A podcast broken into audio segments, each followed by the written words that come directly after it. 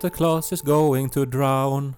Santa Claus is going to drown. Santa Claus is going to drown. Mm, jag hade inte hört den versionen. Nej, jag hittade på den själv och Okej. eh, jag har förstört låten nu då för alla Ja. eh, i min omgivning. Och eh, det bjöd jag på nu då. Vad är liksom scenariot då? Alltså att han ska, han går över svag is då. Alltså det är en Han går en genväg. Han tänker att för att i år så har jag bråttom för att hinna till alla hus. Jag ginar över sjön. Och så, så brakar han då genom isen. Eh, och så är det då liksom tomtenissarna som att istället för att hjälpa honom så står de då och sjunger den där. Ja, alltså det som gör det mystiskt men också intressant är ju att den här låten är så glad. Mm. Att det, det är som en sån här triumferande melodi som upprepas om och om igen och, Mm. och, och så att man undrar ju att vad, vad, vad har tomten gjort och vem är det som är glad? Ja men det är ju, jag tycker det är ju suspekt nog med hela det här tomtemaskineriet med alla de här tomtenissarna och, och, och hur kapitalistiskt det är. Och att han är ju liksom en fabrikschef på något sätt som jobbar en dag i året och de sliter liksom 24-7. Så nu är det ju, nu är det ju liksom, alltså de är ju som någon sorts så här gatubarn på 1800-talet. Såna här femåringar som var så här skorstenspojkar. Det är ju tomtenissarna det. Jag vet inte, det här med tomtenissar, det är väl väldigt amerikanskt också. För inte det är väl här liksom att tomten är på något vis omgiven av elves eller så här. Alltså, Nej, men inte elves, eh, utan just nissar, tänker jag. Nej, men, alltså, ja. små tomtarna, nu är det ju de som, som tycker jag här också att det är de som, jag menar det är ju inte tomten själv som tillverkar leksakerna och sådär, nu är det ju tomtenissarna som gör det. Och som lite sådär spionerar för honom. Så har jag nog alltid sett det. Men det är ju mycket musik på jul. Det har ju varit på nu då alla såna här eh, radiostationer som nu spelar konstant julmusik och sen Mm. så för oss så är julen alltid mycket bilkörande. Man ska Ja. till olika ställen. Var det inte, jag såg någon nyhet om att det var, nå var det ett svenskt par som ville köpa Last Christmas-låten? Alltså de ville köpa rättigheterna till låten så att de skulle kunna förbjuda den. Oj då. Det är ju en... eh, Vad heter den här hönan som värper koldägg? Alltså det är ju... En gås, tror jag. Ja, men i alla fall, alltså det är ju... Måste vara otroligt dyrt eftersom den här låten Mm. årligen säkert drar in miljoner. Men tänk, alltså jag, jag tycker bara att, att som, som idé tycker jag att det är fantastiskt. Alltså för att det är ju som alltså Oftast när man tänker på så här liksom serietidningsskurkar så är det ju så där Magika the Hex och, och hon har som en sån här ”Jag ska förvandla alla till grisar”. Alltså något så här som är omöjligt att göra. Men det där är ju alltså Skulle man ha tillräckligt mycket pengar, alltså Elon Musk skulle kunna bestämma sig för att köpa rättigheterna till all populär musik som finns. Och så skulle han förbjuda att det här får inte spelas i radion. Och så skulle vi måste liksom börja om. Det är ju ganska spännande, alltså det är ju faktiskt någonting som skulle vara möjligt. Jag, jag, nu vet jag inte så mycket om upphovsrättslagstiftning men är, är det faktiskt så att man, att man sen kan... Alltså de, någon äger ju, någon, man äger ju rättigheterna och den som äger rättigheterna får ju bestämma har ni rätt att spela den här? Ja, det finns ju det här brittiska artrockbandet KLF som ingen kanske minns, men de hade några hits på 90-talet. Och de var som en eh, blandning mellan band och sekt. Mm. Eh, De Det är de bästa. kallar sig själva för The Justified Ancients of Mumu. Justified Ancients of Mumu. Ja, och eh, de sen eh, försvann helt och hållet eftersom de krävde att deras musik dras in från marknaden. Man hittar inte den här skivan någonstans. Eh, och de sen också ordnade en stor manifestation där de brände upp en miljon pund i sedlar på en ö. Men de hade ändå så pass mycket pengar att de kunde göra det. Ja, allt väl som kom in från den här skivförsäljningen då så la de i en stor hög och tände på. Mm. Och filma inte ens det. Vilket som Nej. känns som att okej, men det bevisar att de ändå hade någon sorts övertygelse. Men det här var väl före social media också? Nå ja, men man skulle tro att ändå det fanns ett intresse med MTV och allt sånt. Mm. Men så ja, så de har ju faktiskt då dragit in äh, rätten att spela deras Ja, musik. Ja. så det, det går alltså att göra. Och, och det här är ju... Alltså det här skulle kunna vara en, en superskurk, skulle kunna göra det där. Att det är liksom helt möjligt. Och det är ändå som en sån här serietidningsskurks idé som är genomförbar. Och Men- de är så få såna. Vet du vad det här är, apropå dagens stora nyhet? Det här är ju alltså ett scenario för PU-klubbens julkalender, typ. Alltså Ja. att någon stjäl, eller alltså att någon rik köper upp rättigheterna till all julmusik och så får man inte spela den. Mm. Och sen ska barnen övertyga den här sura Elon Musk då Mm. eh, om att nej, men vi behöver julmusik och du Och han skulle, mår heta, bättre han skulle heta Elon Mus. ja. ja, men du har varit och rivit upp en 25-årig tradition. Ja, det är jätteroligt. Jag har ju jobbat, vad blir det nu, Eh, två år eh, på barnprogrammen i Svenska Yle och jobbat mycket med bukklubben. Och vi, vi har ju ändrat nu konceptet och i det här nya konceptet så kommer det att vara mer fokus på bukklubben som program. Det kommer att vara mer fokus på buledarna och så kommer de att ha en skurk som heter Klösus som ska spelas av mig. Så du ska vara med i liksom daglig barnprogram? Ja, inte varje dag men han är nu med ganska mycket. Ja. Och det är ju en dröm. Alltså det, det är ju nog någonting med att få spela skurkar. Eh, alltså både att få vara med i barnprogram förstås, men att få vara en skurk i barnprogram. Mm. Alltså för mig, jag menar jag älskar ju Lucky Luke som barn, men att jag älskar ju bröderna Dalton.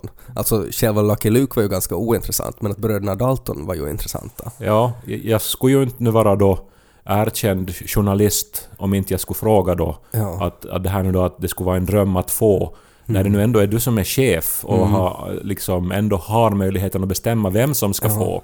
Ja. Så uh, hur, har det här tagits emot då? Nej, nå, jag måste ju säga då att det var ju inte min idé. Att till och med jag har ändå liksom eh, en sån känsla av att jag inte, som chef kan jag inte bestämma att jag också ska vara med i de här barnprogrammen. Så det var inte min idé. Men det blir ju väldigt meta också, att när jag på riktigt är chef för barnprogrammen och så spelar jag också en chef på barnprogrammen. Men när vi nu pratar om Elon Mus här då, eh, Mm. nu, nu är det ju en sån där världens rikaste man-move också att komma in och vara så här att nu river vi något som har hållit på i 25 år och gör det Mm. helt nytt. Mm. Men det var ju inte heller som att det har hållit på i 25 år och alla var sådär att nej, kom inte och ändra någonting. Utan det var ju nog sådär att oj, när kan vi äntligen få börja eh, fundera på hur man skulle kunna dra det här åt olika håll. Att folk ville ju nog ha en förändring också. Ja, jag hoppas att det blir en förändring till det bättre. Ja, det blir det. Just det. Santa Claus... Jag, jag har en till som jag har förstört. Okej. Och, eh, och den här är bra. Ja. Alltså, man, det är Tina Turners, eh, den här What's Love Got To Do With It. Ja. Eh, och hon har ju väldigt mycket känsla i sin eh, röst. Mm. Och då ska man föreställa sig att hon står då, alltså bilen har stannat och hon har måste svänga av vid sidan av vägen. Mm. Och så står hon lutad över motorhuven, desperat, och sjunger Who needs a car when a car can be broken?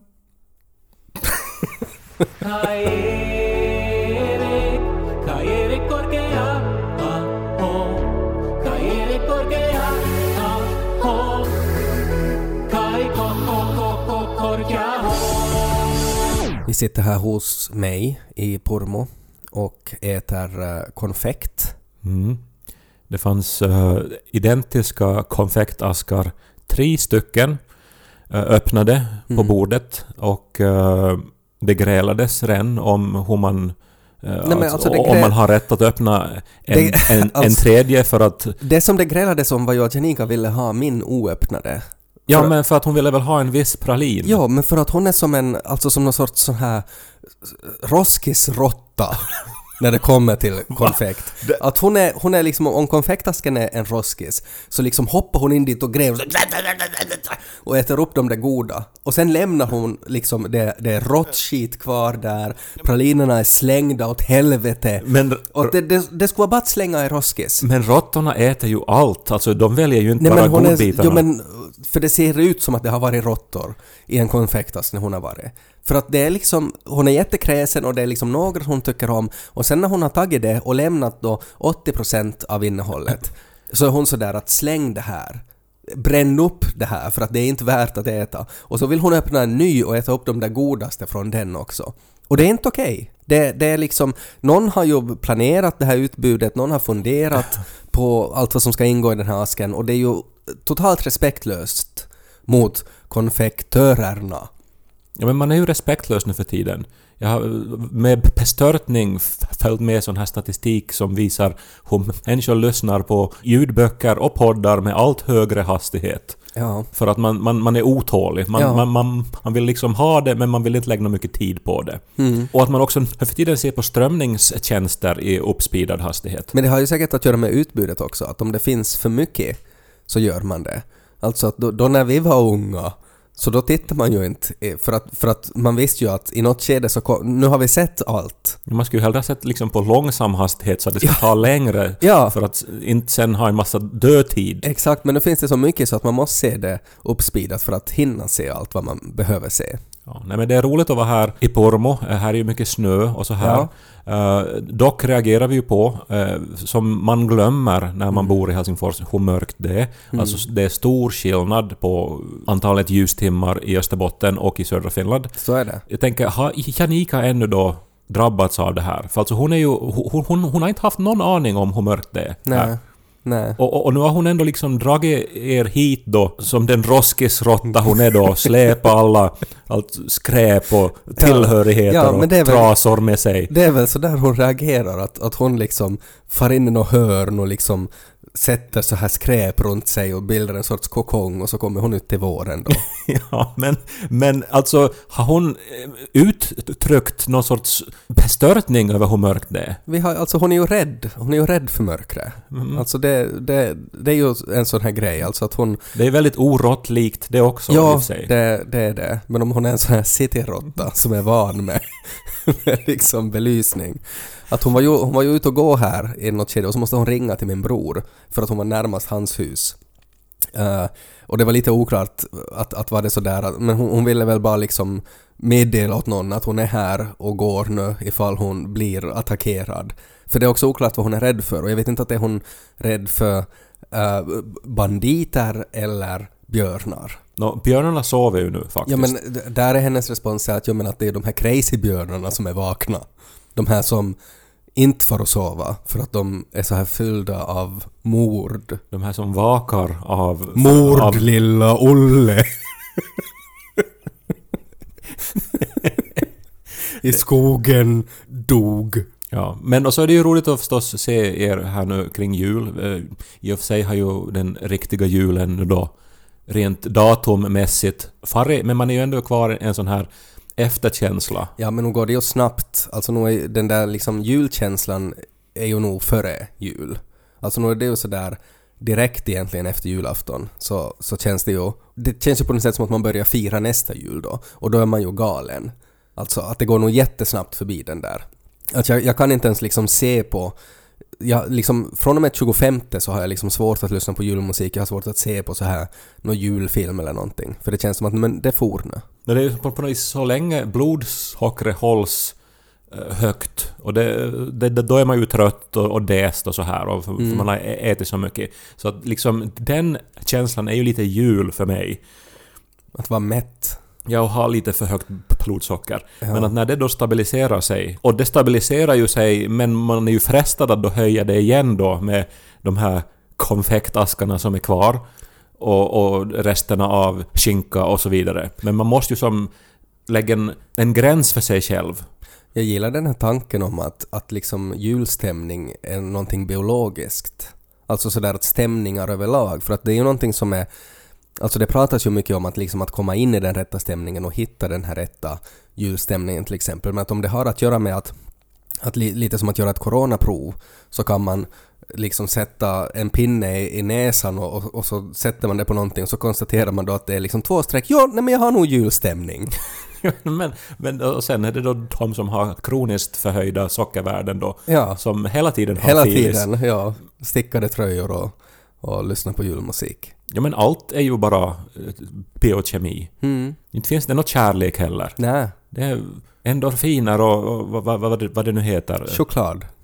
Tänkte ju nog annars på det här nyss när jag då kom in hit och eh, dina katter Ja, genast reagerar. ja. Och så börjar de fjäska för mig. Ja, de var jättehungriga. De hade inte fått mat. Men ja, de började. Ja, men så sa ju du att ja, alltså de är ju nog så här människovänliga men, men så där gör de nog inte för alla. Nej. Och så att nej, så är det. Mm. Katter re- respekterar mig. Det har de alltid gjort och de Ja. vill att jag ska liksom vara deras vän. Är det på något sätt att du har så här så bra uppfostran med dem? Nej, det, det är ju för att de känner av någonting. Alltså Ja. att jag är alfa, Jaha, är det det? dominant. Okej. Och det är ju de flesta katter också. De är ju väldigt eh, dominanta väsen. Ja. Och eh, då liksom eh, re respekterar de en annan dominant och liksom dras till dem och vill liksom på något Mm. Det är vis... ju med, med katters dominans så har det ganska mycket att göra med vilken nivå man är på. Alltså rent fysiskt. Alltså ju högre upp en katt befinner sig så desto dominantare är den. Har jag för mig. Alltså om man till exempel har flera katter i, en, i ett hushåll så är det liksom den som, som befinner sig högst upp eller som får vara på den högsta hyllan så är det den som borde vara dominant. Mm. Och du är ganska lång. Ja, Så det kanske har någonting med det att göra. den som är på min axel så är ju högst i rummet. Ja. Så är det ju. Men det är ju som just så tydligt när man jämför med hundar. Mm. Alla hundar är ju, är ju undergivna och väldigt eh, passiva. Och, och så här reagerar ju på mig på ett helt annat sätt. Mm. Alltså med rädsla. Och De är med, ju väldigt dåliga motiv också. Att sådär måla av är de dåliga motiv. ja, eller ointressanta. Ja, motiv. precis.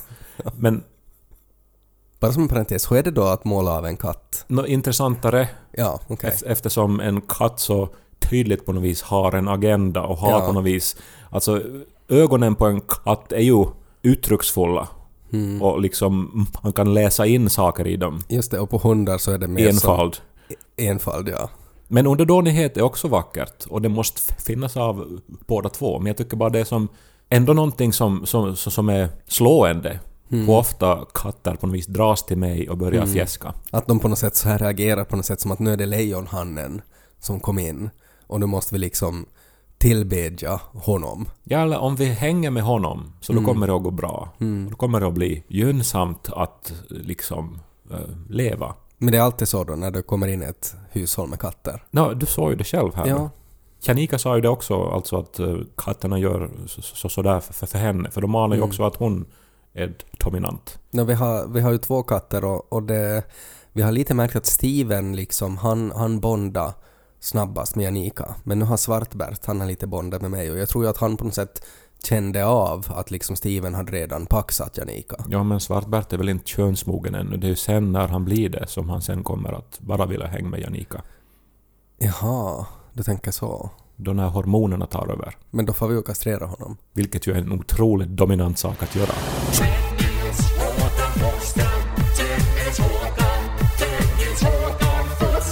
How? What sparks plugs to do? Got to do with it. Men alltså det är väl inte en julsång? Nej, men den spelas på radio mycket nu. Eller hela tiden. Den är ju, vet du, i heavy rotation 30 år efter att den släpptes. Mm. Who needs a car when a car can be broken? Det skulle vara jättebra som någon sorts reklam för alltså en bilfirma. Ja, Det där. faktiskt. Och så ska de ha då en, en Tina Turner-figur som då komma in med bilen och vara sådär uh, upprörd. Och så ska det vara då en stereotyp så här österbottnisk man som fixar det. Och, Ted och Kai-podden har ju levererat eh, idéer och eh, affärsgnistor i 20 år redan. ja. Det här är ju avsnitt 360. Är det inte dags att vi nu går full circle? ja, tänk det. Om fem veckor så kan man lyssna på ett avsnitt om dagen i ett år. Det är nog sjukt det. Mm. Det är också årets sista poddavsnitt. Ja, Men vi kan väl meddela att vi fortsätter nästa år. ja, Ja, så är det. Varje vecka. Utan avbrott. Vi har ju slutat med sånt. Vi har ju inte semester längre.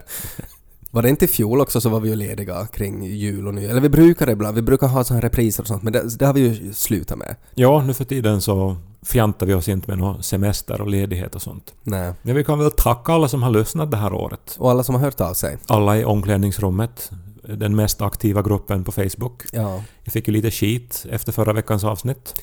Ja, det är det här om att uh, lyssna på barnmusik. Ja, men jag fick ju nog också sympatier och Ja. människor som, som höll med mig. Ja, men nog märker man ju på de människorna också att nu var det ju på något sätt sådär att inte var det riktigt deras åsikter, att det var nog på något sätt som Steven betedde sig mot dig när du kom in, att det var så här inställsamma kommentarer. Jag tycker att det var så tydligt hur det här dåliga samvetet gjorde att åsikterna blev tillspetsade. Att det var människor som, vet du, den, där det slog hem. Att de har liksom tänkt som jag, men de har inte liksom orkat eller idst. Och så har de spelat då Arne Alligator eh, hela Mm. året för barnet. Och sen då när jag då vänligt påpekar det då, så då får de dåligt Ja. samvete och så börjar Var de slå ifrån var sig. det vänligt? Jag tror nog att det var så här kommentarer liksom att Hur kam har man fel i huvudet? det, var, det var nog i den nivån. Nej, Men klart att man är upprörd när man liksom... Om barn lyssnar på Arne Alligator. Nej, om de endast lyssnar på Arne Alligator. Ja. Men vad ska du göra årets sista dagar nu då? Jag vet inte riktigt. Eh, jag ska försöka göra väldigt lite. Jag skulle vilja ha så här, fira så här fridfullt och stillsamt. Ligga mycket i soffan med två katter i famnen. Eh, kanske äta konfekt, de här äckliga som finns kvar. Jag har många spel som jag bara väntat att få spela. Pentiment till exempel. En så här medeltida eh, deckargåta till exempel. Ett spel som jag har sett fram emot att spela igenom. Och eh, läsa mycket böcker. Ja. Jag tog ju åt dig också, jag hade ju en julklapp till dig som egentligen var en sån här Tuliainen från Japan, för jag har inte träffat dig sen vi var eh, till Japan. Mm. Eh, Och jag hittade ju i landet då, som ju är en perfekt blandning eh, mellan vuxenhet och barndom. Det, är- Ja. det, det är något som genomsyrar hela kulturen. Så hittade jag ju då förstås den perfekta presenten till en som är just mellan vuxenhet och barndom. Alltså Ja. till dig. Ja, det var en flaska whisky som hade en samurajrustning på sig. Ja, det är japansk samurai-whisky. Mm. I en flaska som också kan användas som leksak. Och Ja. prydnad förstås. Ja, nej jag blev jätteglad. Det var en jättefin f- flaska. Det blev ju lite sämre present nu när du liksom förklarar hur du hade tänkt när du gav den. Ja, du menar på något vis att, att, Nej men just det här med att, att så här blandning mellan vuxen och... att jag gav det som en pik och inte bara av kärlek? Ja. Att det blev så? Ja, dina gåvor är ju oftast så. att man tror att det är av kärlek, men sen kommer det fram att det nog fanns en pik också. Men det är ju väldigt så här författaraktigt det också. Eller så här är det att vara kompis med en alfa, Ted. Det, det är det. Men Kaja är ju en sigma jag. En sigma? Ja. Känner du inte till begreppet sigma? Nej men eh, alfa och beta, eh, det, det är Nej. ju då de som... Så, Alltså det är så alfa av dig att du inte känner till sigma, det är ju helt löjligt. Alltså en sigma är ju någon som står över alfahannen. Alltså att en sigma är ju någon som inte ens bryr sig om hierarkin. Då är man sigma. Alfa är ju väldigt, det är ju ganska patetiskt att man bryr sig om att vara högst. Medan man som sigma är bara, barnen får hålla på med det där. Men då borde ju alfan på något vis eh, re, respektera sigman. Ja men då de förstår ju inte ens, alltså för att Och inte pika sigman. Nej, men för att Sigman bryr sig inte om det. Det är ju det. Att det, är ju, det är ju som att, jag menar en Sigma är ju en varg och en alfa är ju en, en hund som käller. Det är ju det som är grejen. Nej! Nej! Men jag förstår inte, alltså det, det är väl det grekiska alfabetet, alltså Ja. i- var i ordningen finns sigma? Ja, otrolig alfa... Alfa, beta, Eh, gamma, Otrolig delta. alfa-kommentar att börja fundera. jag har aldrig hört det här! Jag, Nej. alltså hierarkier är något som jag är intresserad av. Ja. Och liksom, hur det uppstår. Alltså så fort det liksom är två människor i ett rum, Ja, så men- börjar det uppstå en massa hierarkier. Ja, men hierarkier funkar ju endast om alla involverade går in i den där hierarkin. Och, och för de flesta människor då som är hierarkiska så fuckas det upp om man inte går med på det. Alltså att om du kommer in i en ny arbetsgemenskap till exempel så märker man ju väldigt snabbt att okej, det, det här är jargongen, så här ska man göra.